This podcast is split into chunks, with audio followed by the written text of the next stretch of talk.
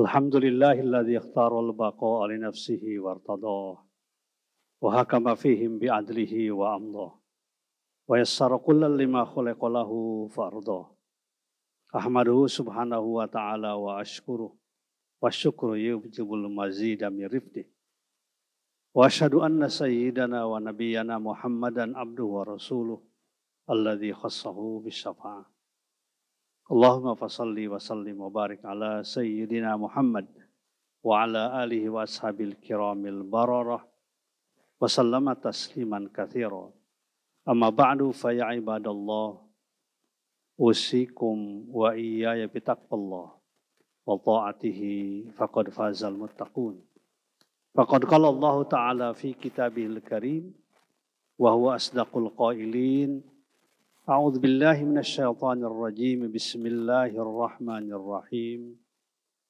يا أيها الذين آمنوا اتقوا الله ولتنظر نفس ما قدمت لغد واتقوا الله إن الله خبير بما تعملون ولا تكونوا كالذين نسوا الله فأنساهم أنفسهم أولئك هم الفاسقون la yastawi ashabun nari wa ashabul jannah ashabul jannah humul faizun sadaqallahul azim hadirin sidang Jumat rahimakumullah ayat yang saya bacakan barusan terdapat di dalam surat Al-Hasyr surat ke-59 ayat 18 sampai 20 pada ayat 18 Allah mengemukakan perintah takwa pada satu ayat.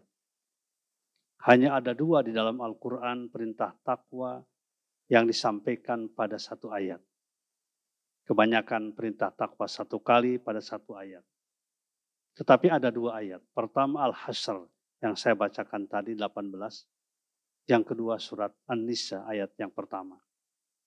Ya ayuhan nasu taqu rabbakumul ladzi khalaqakum min nafsi wahidah wa khalaqa minha zawjaha wa batta minhuma rijalan katsiran wa nisaa wattaqullaha alladzi tasaaluna bi wal arham innallaha kana alaikum raqiba Kenapa sampai pada surat Al-Hasyr itu perintah takwa dua kali pada satu ayat? Karena ini adalah ayat yang memerintahkan kepada orang-orang yang beriman, kepada kita kaum muslimin. Orang-orang yang yakin akan kebenaran ajaran Islam Orang yang yakin akan perintah dan larangan Allah Subhanahu wa taala. Orang yang ingin mendapatkan kebahagiaan, kesuksesan di dunia maupun di akhirat. Apapun posisi, jabatan dan kedudukannya. Wahai sekalian orang-orang yang beriman, ittaqullah. Bertakwalah kalian kepada Allah. Wal tandur nafsu maqad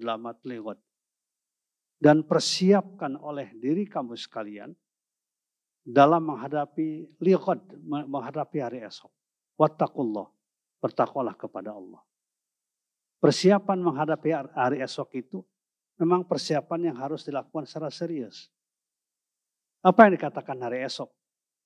Para ulama tafsir mengatakan hari esok itu ada dua pengertian. Pertama hari esok di dunia. esok Sabtu, Ahad, minggu depan, bulan depan, tahun depan. Itu dikatakan Nukat persiapkan oleh kita menghadapi tahun depan, minggu depan, bulan depan dengan sebaik-baiknya. Dan yang kedua God itu artinya adalah kematian. Yaitu dalam pengertian hari esok, hari kiamat, hari akhir. Hari kita bertemu dengan Allah subhanahu wa ta'ala. Hari pembalasan, yaumul jaza, yaumul akhir, yaumala dhilla illa dhilluh. Pada hari tidak ada naungan selain dari naungan Allah Subhanahu wa taala. Yang pertama kita lihat, kita persiapkan diri kita, keluarga anak-anak kita, masyarakat kita dengan sebaik-baiknya menghadapi hari esok. Hari esok di dunia juga. Kenapa? Karena banyak ketidakpastian, unpredictable semuanya. Apa yang terjadi kita rasakan sekarang banyak sekali rencana-rencana dilakukan, akan tapi kepastiannya tidak bisa terjadi. Kita mendapatkan pelajaran yang berharga dari pandemi COVID-19 ini. Bahwa Allah lah yang menentukan segala-galanya. Manusia boleh merencanakan. Manusia boleh memprogramkan. Manusia boleh melakukan analisa ter, ter, apa, terhadap berbagai macam kemungkinan di berbagai bidang kehidupan. Dalam bidang ekonomi, politik, sosial, budaya, maupun bidang-bidang yang lain. Tetapi yang memastikan akan terjadi hanyalah Allah Subhanahu wa Ta'ala. Betapa banyak prediksi-prediksi yang dilakukan para ahli. COVID-19 ini akan berakhir tahun yang lalu, 2020. Ternyata pada akhir tahun yang lalu, bukannya berakhir, tapi muncul varian baru. Yang dahsyatnya lebih, penyebarannya lebih masif 10 kali dibandingkan yang lama. Demikian pula, misalnya bahkan sekarang ada yang prediksi akan selesai akhir tahun ini, bahkan juga tahun 2022. Ini sebuah prediksi yang yang mungkin saja tetapi sekali lagi kita tidak boleh memastikan sesuatu yang akan terjadi. Sesuatu yang belum terjadi. Yang diperkirakan dalam mempersiapkan diri. Allah berfirman dalam Al-Quran surat Al-Kahfi ya. Yang suka kita baca pada hari ini. Wala taqulan nalisyain ini fa'ilun zalika goda illa ayyasha Allah. Tidak boleh kalian menyatakan saya pasti akan melakukan pekerjaan ini besok hari. Wala takulanna. Sampai dengan kata-kata nun taukid. Yang menegaskan jangan sampai menyatakan kepastian. Sesuatu yang belum terjadi. Ini fa'ilun zalika. Pada aku akan mengerjakan pekerjaan pada esok hari. Illa ayyasha Allah. Kecuali hanya Allah yang menghendaki. Betapa banyak saudara-saudara kita, sahabat kita, para guru kita. Yang tidak pernah kita bayangkan. Dia akan menghadapi akhir kehidupannya almarhum Syekh Ali Jabar misalnya. Mudah-mudahan Allah mengampuni segala dosa kesalahannya dan memasukkan ke dalam surganya. Demikian pula yang lain. Bahkan saya mendapatkan data dari Rabitoh, pondok pesantren di Indonesia. Pada tahun yang lalu ada 261 kiai di pondok-pondok yang meninggal dunia yang tidak pernah kita bayangkan dalam waktu yang singkat, dalam waktu yang singkat. Inilah yang menyatakan wala takulanna lifa Disain ini final dari kagoda illa ayyasha Allah. Kita tidak tahu apa yang akan terjadi hari esok hari. Kita hanya diperintahkan mempersiapkan dengan persiapan-persiapan yang baik. Itu namanya takwa. Takwa itu artinya disiplin pada aturan. Persiapan mempersiapkan diri dengan baik pada semua aturan yang baik. Karena konotasi takwa itu tidak ada yang buruk, selalu yang baik. Pemimpin yang bertakwa, pemimpin yang adil, yang jujur, yang memperhatikan kebutuhan masyarakat, kesehatan masyarakat, kesehatan masyarakat.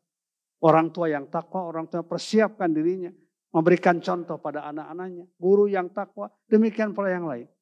Dan ini menjadi bekal yang paling indah, bekal yang paling kuat, bekal yang paling baik. Watazawwadu fa khairu zari taqwa wattaquni ya ulil albab. Berbekallah kamu sekalian dan bekal yang paling baik adalah bekal takwa. Maka berfikirlah kamu sebagai orang-orang yang mau berfikir. Ketika kita tiba-tiba dipanggil oleh Allah Subhanahu wa taala karena kita tidak tahu tapi pasti akan terjadi dimanapun kita berada, posisi apapun, sakit atau tanpa sakit. Karena para ulama mengatakan asbabul mauti mutanawiyah wa haqiqatuhu wahid. Sebab-sebab kematian itu bervariasi, bermacam-macam, tetapi hakikatnya hanya satu yaitu dicabut nyawa kita oleh Allah Subhanahu wa taala melalui malaikatnya. Hakikatnya satu, meskipun sebabnya bervariasi. Ada sebab ada yang dengan sebab Covid-19, ada yang penyakit yang biasa, ada yang macam-macam, ada yang kecelakaan. Asbabul mauti mutanawiyah wa haqiqatu wahid. Sebab-sebab kematian itu bermacam-macam dan hakikatnya adalah satu. Itu yang pertama. Yang kedua, kenapa kita harus bertakwa? Karena kita menyadari bahwa kita ini punya tugas kaum muslimin orang-orang yang beriman. Apa tugas kita? Salihun muslihun. Dan jadi dimanapun kita ini berada sekarang, kita harus menjadi pribadi yang salihun. Secara pribadi kita menjadi orang yang baik, orang yang jujur, orang yang amanah, yang punya etos kerja yang tinggi, yang tidak malas, yang memperhatikan apa yang akan terjadi, terus belajar. Salihun namanya. Tetapi kita tidak cukup sebagai solihun saja. Kita juga harus menjadi orang yang muslihun. Muslihun itu artinya mempelopori pada kebaikan. Mempelopori pada hal-hal yang positif.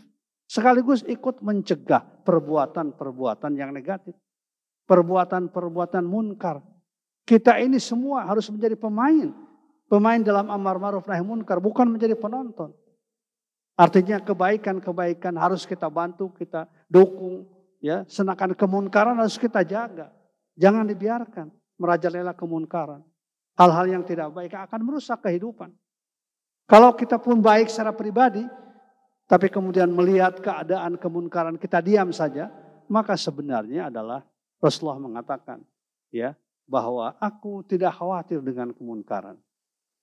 Tetapi yang paling aku khawatirkan adalah ketika kemunkaran merajalela, orang-orang baik diam tidak pernah berbicara, tidak pernah ikut meluruskan. Itulah yang paling aku khawatirkan. Kenapa? Karena resikonya ada dua hal. Ketika kita diam terhadap kemungkaran, maka resikonya ada dua hal. Yang pertama adalah akan lahir para pemimpin-pemimpin yang tidak sesuai dengan harapan kita, dengan keinginan kita, yang tidak berpihak pada masyarakat. Dan yang kedua adalah doa kita tidak akan pernah dikabulkan oleh Allah Subhanahu wa taala. Oleh karena itu maka kita terus harus menjadikan diri kita menjadi solehun dan muslihun. Pribadi yang soleh, yang baik, ya, yang mengerjakan pekerjaan yang bermanfaat. Dan yang kedua muslihun. Kita harus ikut secara aktif terlibat dalam kegiatan-kegiatan mempelopori kebaikan. Dan kemudian juga menghantarkan, kemudian meminimalisir perbuatan-perbuatan yang tidak baik. Dan yang terakhir, jamaah sholat Jumat rahimakumullah bahwa kita harus menyadari setelah kita solehun kemudian kita harus yakin dengan pertolongan Allah Subhanahu wa taala. Seberat apapun masalah yang kita hadapi sekarang ini, masalah ekonomi, masalah pendidikan, masalah politik, masalah persatuan, kesatuan, masalah kesehatan. Kita menghadapi kondisi yang yang sangat tidak menentu. Tetapi kita tidak boleh putus asa, kita yakin pertolongan Allah. Dan bagi orang Islam, orang yang beragama, orang yang suka ruku dan sujud, orang yang suka berjamaah, maka tidak ada kamus-kamus putus asa dalam kehidupan.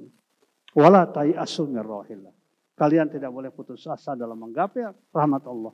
Innahu la yayasu min kafirun.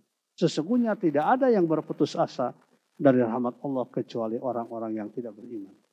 Orang yang beriman, orang yang suka sholat, orang yang suka bermunajat kepada Allah, orang yang suka membaca Quran, berdoa, maka dia menyadari betul bahwa pada setiap masalah tantangan akan ada kemudahan. Al-Quran surat Al-Insyirah mengatakan sampai dua kali. Fa'innamal usri yusran, innamal usri yusran. Sesungguhnya bersama kesulitan akan ada kemudahan. Sesungguhnya bersama tantangan dan masalah akan ada kesuksesan. Mudah-mudahan Allah Subhanahu wa taala akan menjadikan kita pribadi-pribadi yang beriman, yang bertakwa, yang istiqomah dalam amal soleh, yang istiqomah menjadi solehun dan muslihun dalam kehidupan kita, jika kita akan menjadi orang-orang yang mendapatkan husnul khotimah. Amin ya rabbal alamin. Jalan Allah wa iyyakum minal faizin al aminin wa adkhlana wa iyyakum fi zumratil muwahhidin. A'udzu billahi minasyaitonir rajim. Bismillahirrahmanirrahim. يا أيها الذين آمنوا اتقوا الله وتنظر نفس ما قدمت لغد واتقوا الله إن الله خبير بما تعملون وقل رب اغفر وارحم وأنت أرحم الراحمين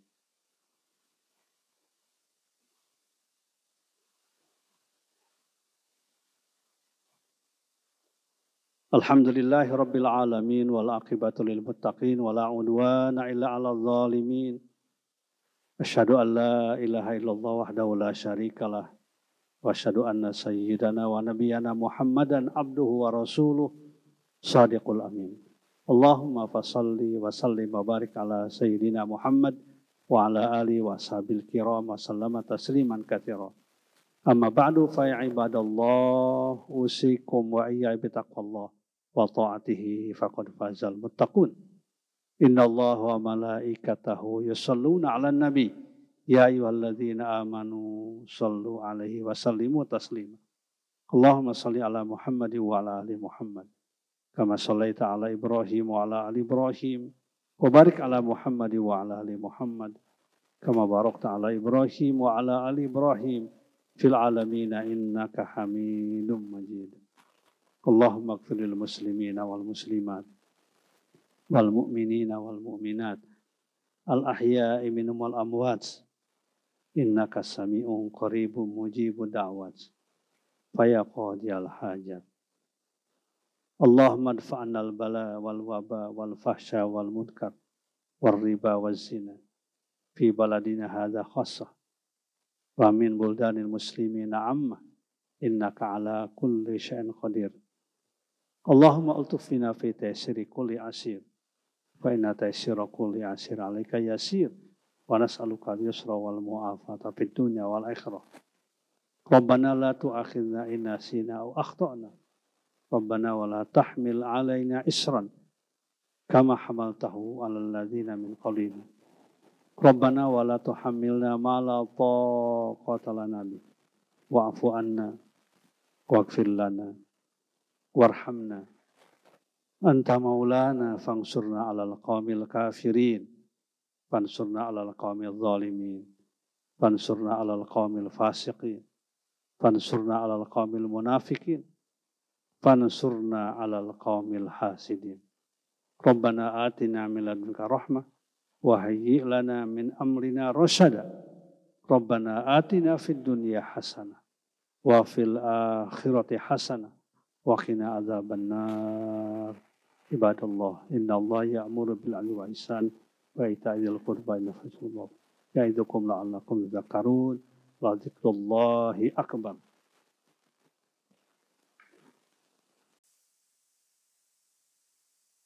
إن الحمد لله نحمده ونستعينه ونستغفره ونعوذ بالله من شرور أنفسنا ومن سيئات أعمالنا may yahdillahu fala wa may yudlilhu fala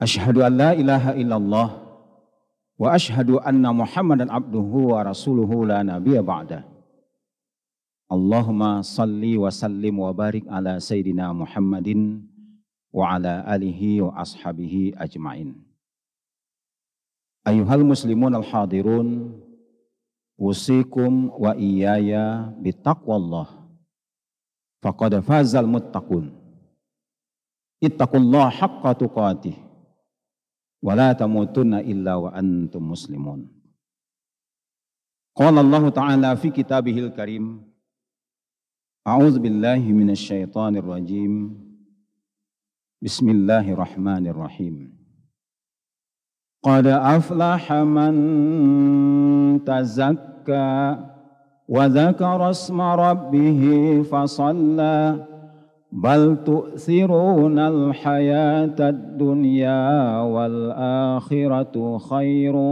وأبقى إن هذا لفي الصحف الأولى صحف إبراهيم وموسى Sadaqallahul azim.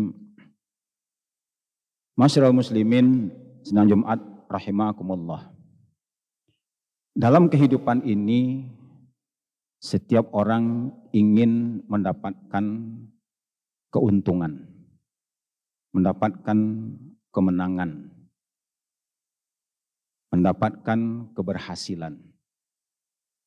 Namun kebanyakan manusia keuntungan yang ingin diraih, yang ingin didapatkan adalah keuntungan sesaat, yaitu keuntungan, kenikmatan, kesenangan yang bersifat duniawiyah.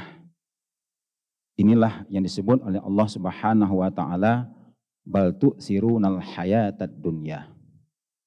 Jadi asar, pengaruh dari dunia itu sangat dominan sehingga terkadang melupakan keuntungan dan keberhasilan kesuksesan yang sebenarnya yaitu adalah keuntungan ukhrawiyah.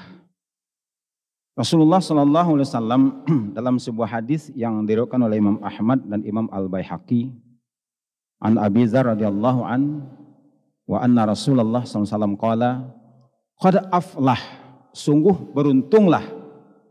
Jadi di sini Rasulullah SAW menjelaskan tentang beberapa kriteria sifat-sifat yang melekat kepada orang-orang yang mendapatkan keuntungan yang bersifat ukhrawiyah. Keuntungan yang bersifat akhirat nanti. Qad aflaha man akhlasa qalbahu lil iman. Yang pertama adalah orang yang hatinya bersih karena keimanan. Dia telah mengisi jiwanya dengan iman kepada Allah Subhanahu wa taala. Karena orang-orang yang paling merugi adalah orang-orang yang di mana di dalam dirinya itu tidak ada iman. Itu orang-orang yang kufur kepada Allah Subhanahu wa taala. Karena orang-orang beriman itulah yang diangkat derajatnya oleh Allah Subhanahu wa taala. Dalam salah satu firman-Nya Allah menyatakan auzubillahi minasyaitonirrajim yarfa'illahu alladhina amanu minkum walladzina utul ilma darajat. Allah mengangkat derajat seseorang hamba itu pertama karena imannya. Namun iman ini harus dibarengi dengan ilmu. Karena banyak orang-orang yang beriman ternyata tersesat jalan karena tidak memiliki ilmu.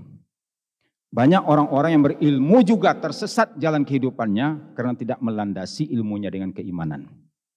Oleh karena itu dua hal ini tidak boleh terpisah, iman dan ilmu. Kemudian yang kedua adalah waja'ala qalbahu saliman. Orang yang menjadikan hatinya itu salim. Allah menyatakan dalam salah satu firman-Nya, "Yauma la yanfa'u malun wala banun illa man atallaha salim." Ada nanti pada hari di mana tidak ada lagi gunanya harta. Anak pun tidak dapat membantu seseorang. Ayah tidak akan dibantu oleh anaknya pada hari itu. Yauma la yanfa'u malun wala banun illa man atallaha biqalbin salim. Kecuali orang yang datang menghadap kepada Allah dengan kalbun salim. Karena jiwa manusia itu hati dapat diklasifikasikan. Ada hati yang disebut dengan hati yang sudah mati. Kalbun mayit. Itulah hatinya orang-orang yang kufur kepada Allah Subhanahu wa taala. Maka tidak ada gunanya nasihat-nasihat kepada orang yang hatinya sudah tertutup oleh kekufuran. Sawaun alaihim a'andartahum am lam tunzirum la yu'minun. Kemudian yang kedua adalah hati yang penuh dengan penyakit. Fi qulubihim maradun fazadahumullah marada. Itu hati yang penuh dengan sifat-sifat kemunafikan. Bicara banyak tapi banyak bohongnya. Komitmen banyak diingkari. Amanat banyak disia-siakan. Inilah hatinya orang-orang munafik. Maka Rasulullah mengingat kepada kita jangan sampai sifat ini melekat pada diri kita. Berlindung kepada Allah, Allahumma ini auzubika minan nifak. Sebab orang munafik ini ternyata berat nanti dari akhirat kelak. Innal munafikina fidarkil asfal minan nar. Tempatnya adalah di kerak-kerak neraka. Kenapa? Karena sifatnya itu merugikan banyak orang karena kebohongannya itu banyak orang yang dirugikan. Karena amanat tidak dilaksanakan dengan baik, banyak orang yang dirugikan. Maka inilah sebabnya kenapa orang munafik itu nanti tempatnya di kerak-kerak neraka. Maka kita berlindung kepada Allah jangan sampai memiliki sifat kemunafikan. Kemudian yang ketiga adalah hati yang selamat, kalbun salim yaitu yang terbebas daripada kekufuran dan terbebas juga dari sifat-sifat kemunafikan. Kemudian yang ketiga, walisanahu sadiqan. Lisannya itu jujur. Rasulullah SAW dalam satu hadis pernah menyatakan, mayat manuli ma baina lihyaihi wa ma baina rijlaihi atmanuhu al-jannah. Barang siapa yang dapat menjamin bagi diriku yang terletak di antara dua kumis. Maksudnya adalah mulut. Dan yang terletak di antara dua kaki. Maksudnya adalah kehormatan. Kalau ada orang yang mampu menjaga lisannya, mampu menjaga kehormatannya, dijamin oleh Rasulullah masuk surga. Karena masuk surga itu lisan yang sangat menentukan. Ketika seseorang itu menghembuskan nafasnya yang, terakhir, yang terakhir, lisannya mengucapkan kalimat la ilaha illallah, dijamin oleh Allah masuk ke dalam surganya. Makanya di dalam kitab Ihya Ulumuddin ada bab yang berkaitan dengan menjaga lisan boleh dirujuk untuk dijadikan sebagai salah satu referensi. Masyarul muslimin rahimakumullah. Kemudian yang berikutnya adalah wa nafsahu mutmainnah. Nafsu yang terkendali disebut dengan nafsul mutmainnah. Karena ada nafsu yang disebut dengan dorongannya itu kepada kejahatan. Yang disebut dengan nafsu ammaratum bisu. Jadi bawaannya itu selalu cenderung kepada keburukan, didorong oleh hawa nafsu. Apakah itu hawa nafsu amarah, hawa nafsu syahwat, hawa nafsu ingin mendapatkan harta benda, jabatan, dan lain-lainnya. Dorongannya itu adalah dorongan untuk membawa kepada kejahatan. Ada juga nafsu yang ragu-ragu, nafsu lawamah. Terkadang kalau dia melakukan kebaikan, dia tenang, tapi kadang-kadang melakukan kejahatan, dia gelisah. Namun yang ketiga yang terbaik adalah nafsul mutmainnah. Itu jiwa yang tenang. Bagaimana supaya kita jiwa kita tenang? Kita harus mendekatkan diri kita kepada yang menguasai hati manusia. Rasulullah SAW dalam salah satu doanya yang paling sering diucapkan sehingga istrinya pun berkomentar kenapa doa ini yang paling sering diucapkan yaitu adalah doa meminta kepada Allah ya muqallibal qulub sabbit qalbi ala dinika. Wahai Allah yang memutarbalikkan hati, tetapkanlah hatiku dalam agamamu. Karena jiwa manusia itu, hati manusia itu dalam genggaman Allah. Itulah maknanya kenapa kita senantiasa meminta kepada Allah. Ihdinas siratal mustaqim. Ya Allah, berilah aku petunjuk jalan yang lurus. Masyiral muslimin rahimakumullah. Iblis ataupun syaitan dengan pasukannya, anak cucunya, mereka itu yang namanya iblis itu pernah berkomitmen bahwasanya dia akan menggelincirkan, menyesatkan anak keturunan Adam selama ruhnya masih berada di badannya. Maka yang sangat menentukan itulah adalah di akhir hayat.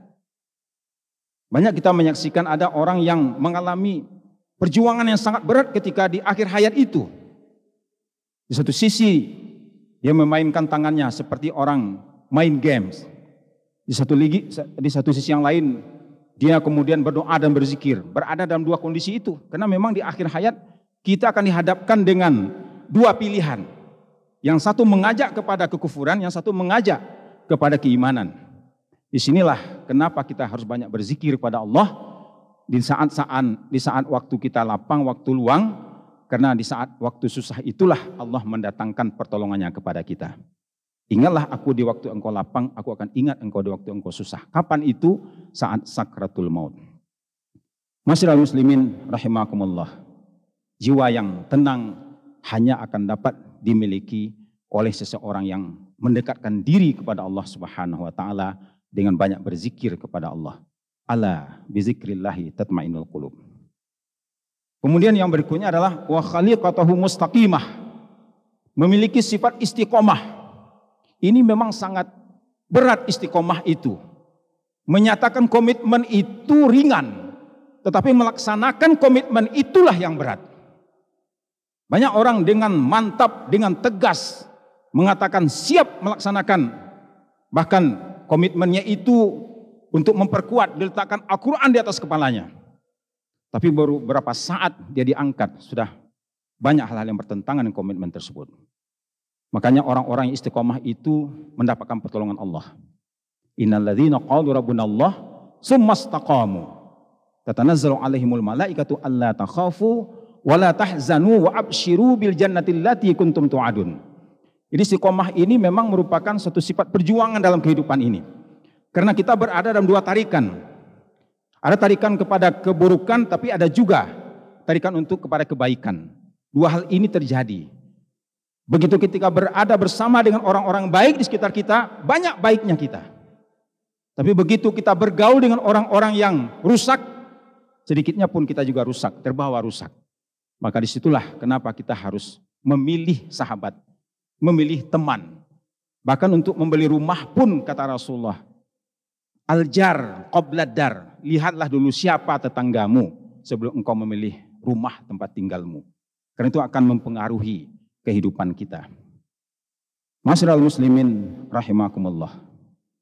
Inilah beberapa faktor yang dimana kalau kita bisa mengisi batin kita dengan keimanan, lalu kemudian hati kita selamat, lisan kita terjaga, hawa nafsu kita terkendali, dan kita memiliki komitmen yang kuat dalam hidup ini, insya Allah kita akan menjadi orang-orang yang aflah, orang-orang yang beruntung. Barakallahu li wa lakum bima fihi minal ayati wa dzikr hakim wa taqabala minni wa minkum tilawatahu innahu ghafurur rahim.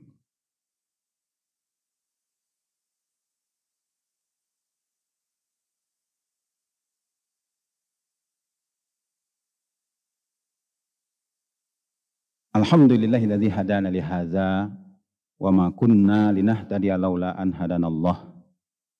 Asyhadu la ilaha illallah wa asyhadu anna Muhammadan abduhu wa rasuluhu la nabiyya ba'da. Allahumma salli wa sallim wa barik ala sayidina Muhammadin wa ala alihi wa ashabihi ajma'in. Ittaqullah haqqa tuqatih wa la tamutunna illa wa antum muslimun. Masyarul muslimin, sidang Jumat rahimakumullah. Dalam kondisi sekarang ini, dua hal yang harus kita perkuat Pertama adalah imunitas badan kita. Banyak orang itu mengabaikan kesehatannya. Kita tidak boleh mengabaikan protokol kesehatan karena memang di sekitar kita sedang terjadi satu hal yang sangat besar. Yang sifatnya mendunia, bukan hanya lokal tapi dunia, pandemik. Oleh karena itu imunitas badan kita harus kita jaga. Kemudian yang kedua menjaga keimanan kita. Karena keimanan kita juga sedang diuji oleh Allah Subhanahu wa taala.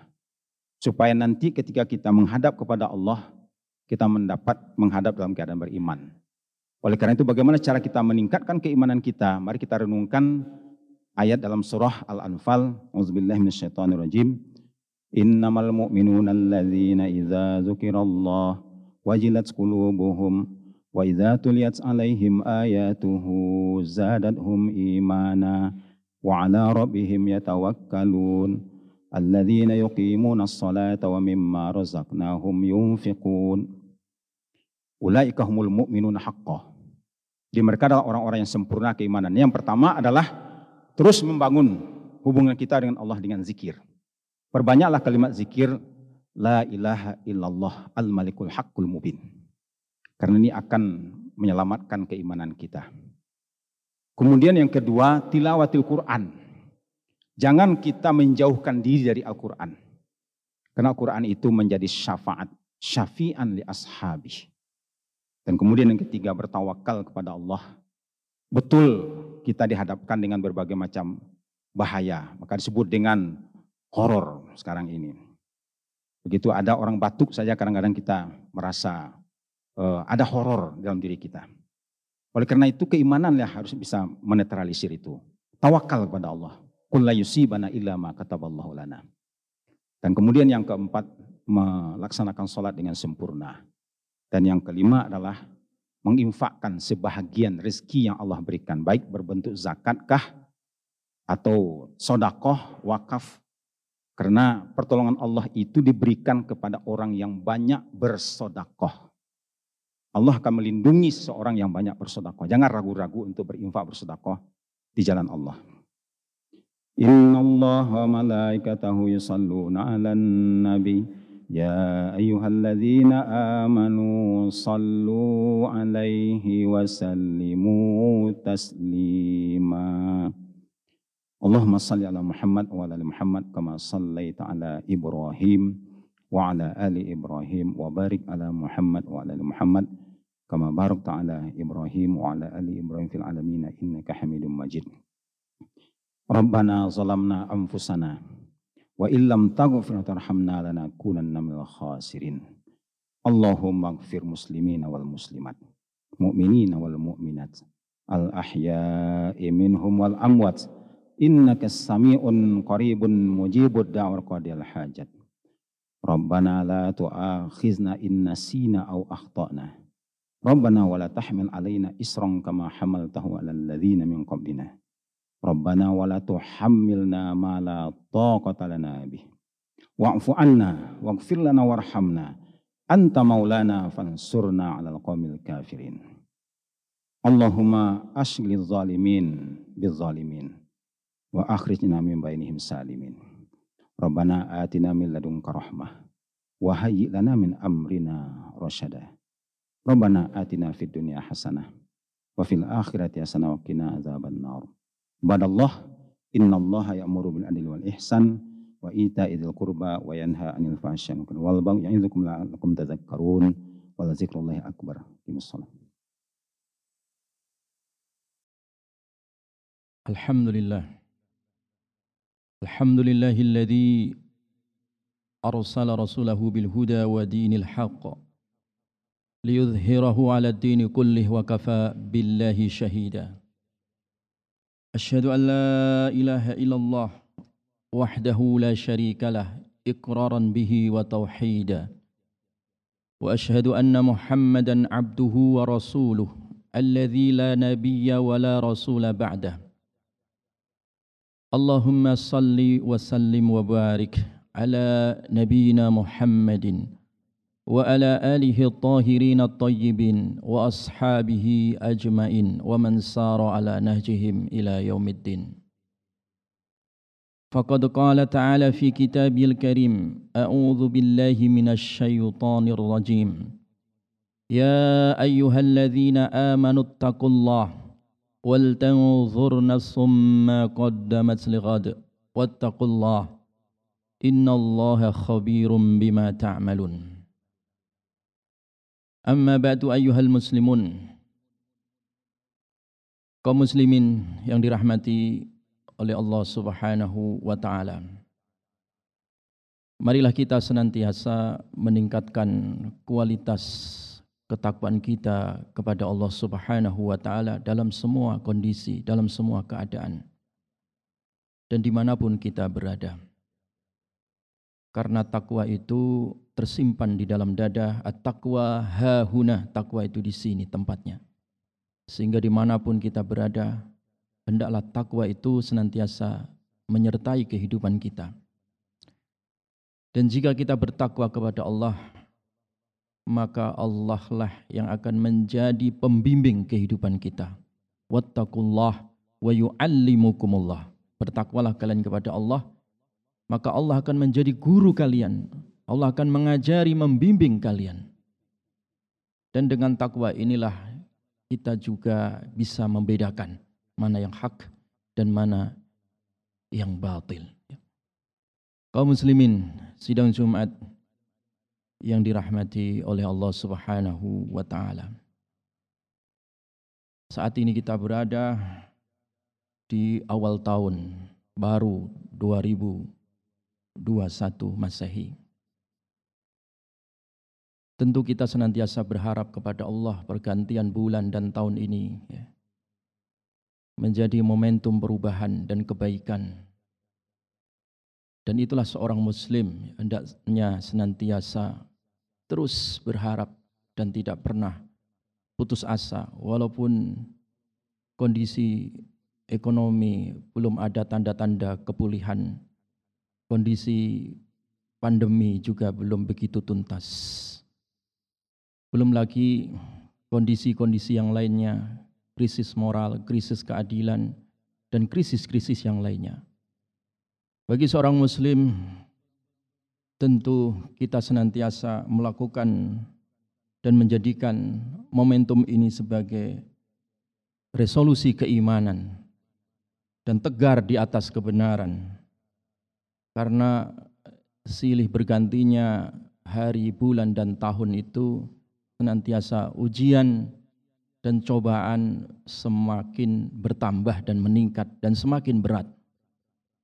Dan itulah nubuat yang pernah diingatkan oleh Nabi sallallahu alaihi wasallam sebagaimana riwayat hadis dari Abi Sa'labah di dalam kitabnya At-Tirmizi. Nabi sallallahu alaihi wasallam bersabda mengingatkan kepada kita semua supaya tegar Inna min waraikum ayyaman. Sesungguhnya di belakang kalian ini, artinya berganti hari, berganti tahun, terus sampai menjelang kiamat, itu ada hari-hari yang berat. As-sabru fihinna mithul qabdi alal jamar. Orang sabar di tengah-tengah kondisi itu seperti beratnya orang memegang bara api panas. Kalau dilepas mati, kalau dipegang panas. Begitulah ujiannya. Tetapi Nabi memberikan kabar gembira. Lil amili fihinna mithlu ajri khamsina rajulan ya'maluna mithlu amalikum. Tetapi bagi orang-orang yang tegar di atas kebenaran, tegar ya, di atas jalan jalan Allah. Dia tetap continue di dalam beramal terus berada di sabilillah maka pahalanya justru berlipat ganda mendapatkan pahala 50 orang sahabat Nabi radhiyallahu anhum jadi setara pahalanya khamsina rajulan ya'maluna mislu amalikum kata Nabi jadi pahalanya itu ketegaran di zaman ini dan zaman setelah ini Ketika tegar di atas kebenaran dan sabar di atas ketaatan, itu pahalanya adalah levelnya seperti level pahala sahabat, bahkan 50 kali lipat. Ya. Orang di antara kalian, di antara kalian artinya para sahabat itu yang dimaksud di dalam hadis ini.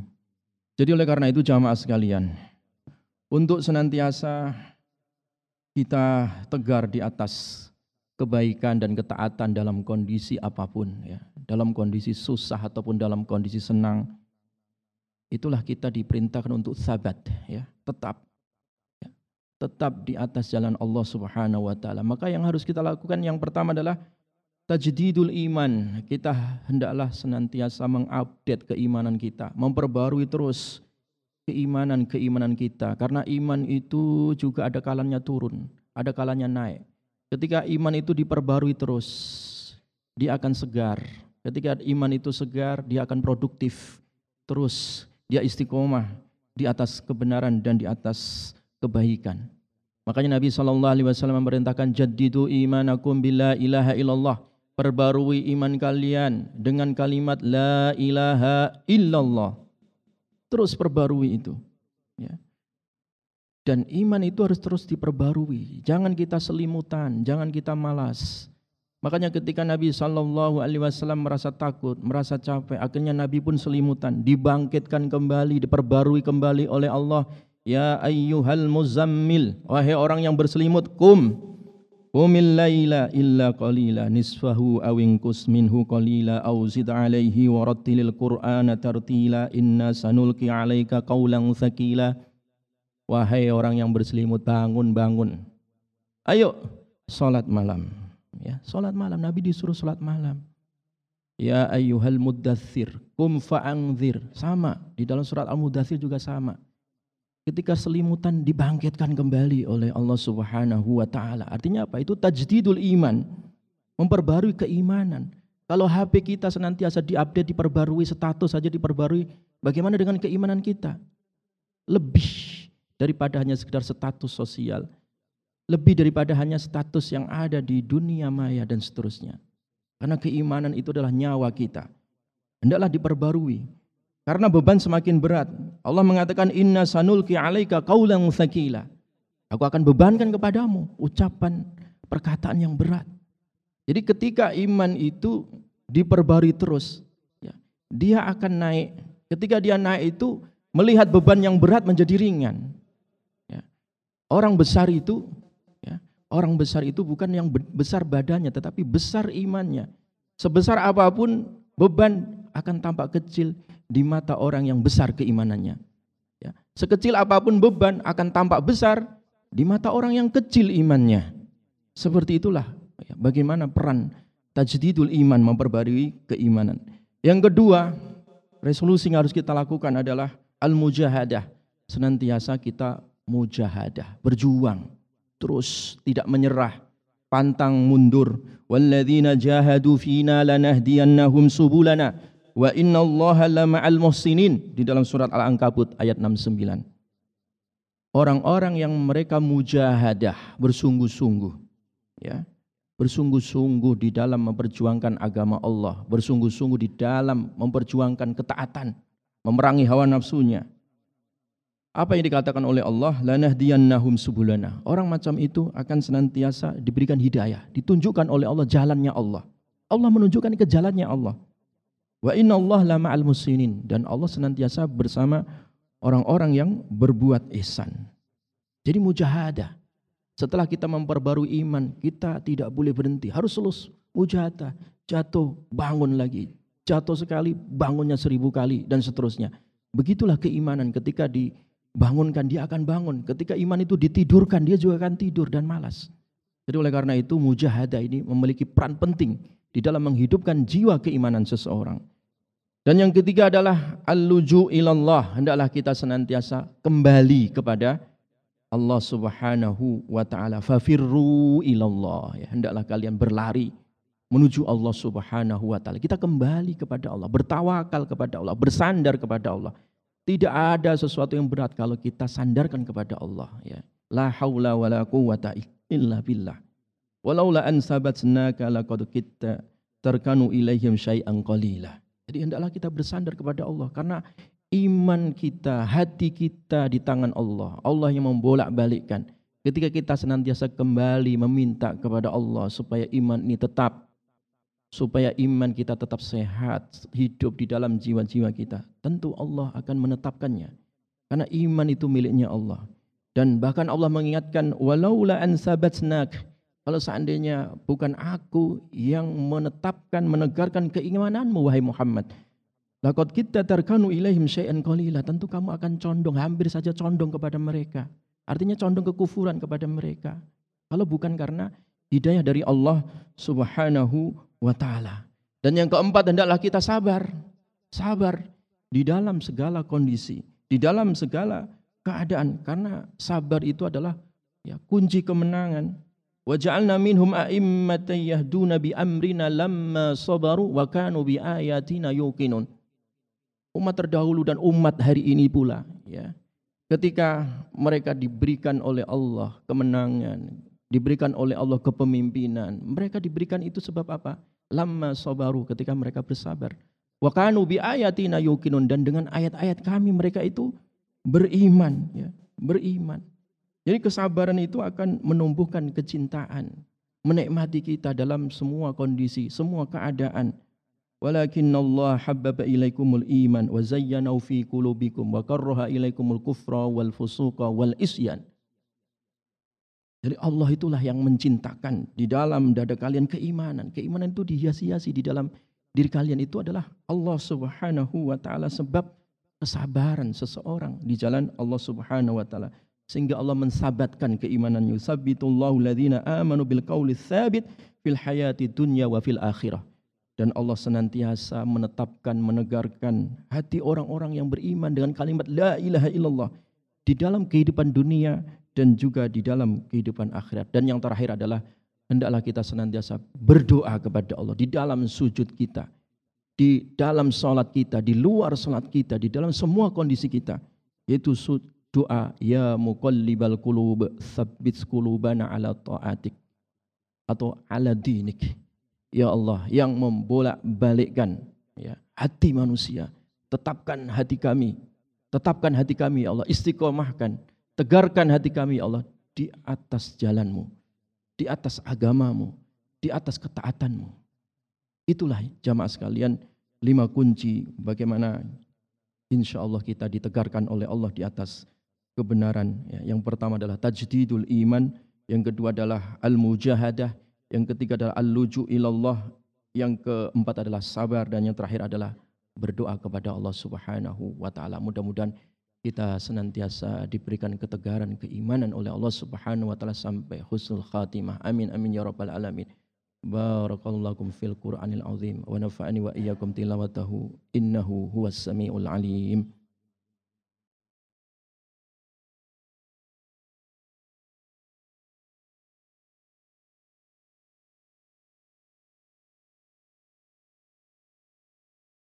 الحمد لله إن الحمد لله نحمده ونستعينه ونستغفره ونعوذ بالله من شرور أنفسنا ومن سيئات أعمالنا من يهده الله فلا مضل له ومن يضلل فلا هادي له أشهد أن لا إله إلا الله وحده لا شريك له وأشهد أن محمدا عبده ورسوله الذي لا نبي ولا رسول بعده فقد قال تعالى في كتاب الكريم أعوذ بالله من الشيطان الرجيم يا أيها الذين آمنوا اتقوا الله وآمنوا برسوله يؤتكم كفلين من رحمته ويجعل لكم نورا تمشون به ويغفر لكم والله غفور رحيم فإن الله تعالى أمرنا بأن نصلي ونسلم على نبينا محمد صلى الله عليه وسلم وبدأ بنفسه ثم ثنى بملائكته فقال إن الله وملائكته يصلون على النبي يا أيها الذين آمنوا صلوا عليه وسلموا تسليما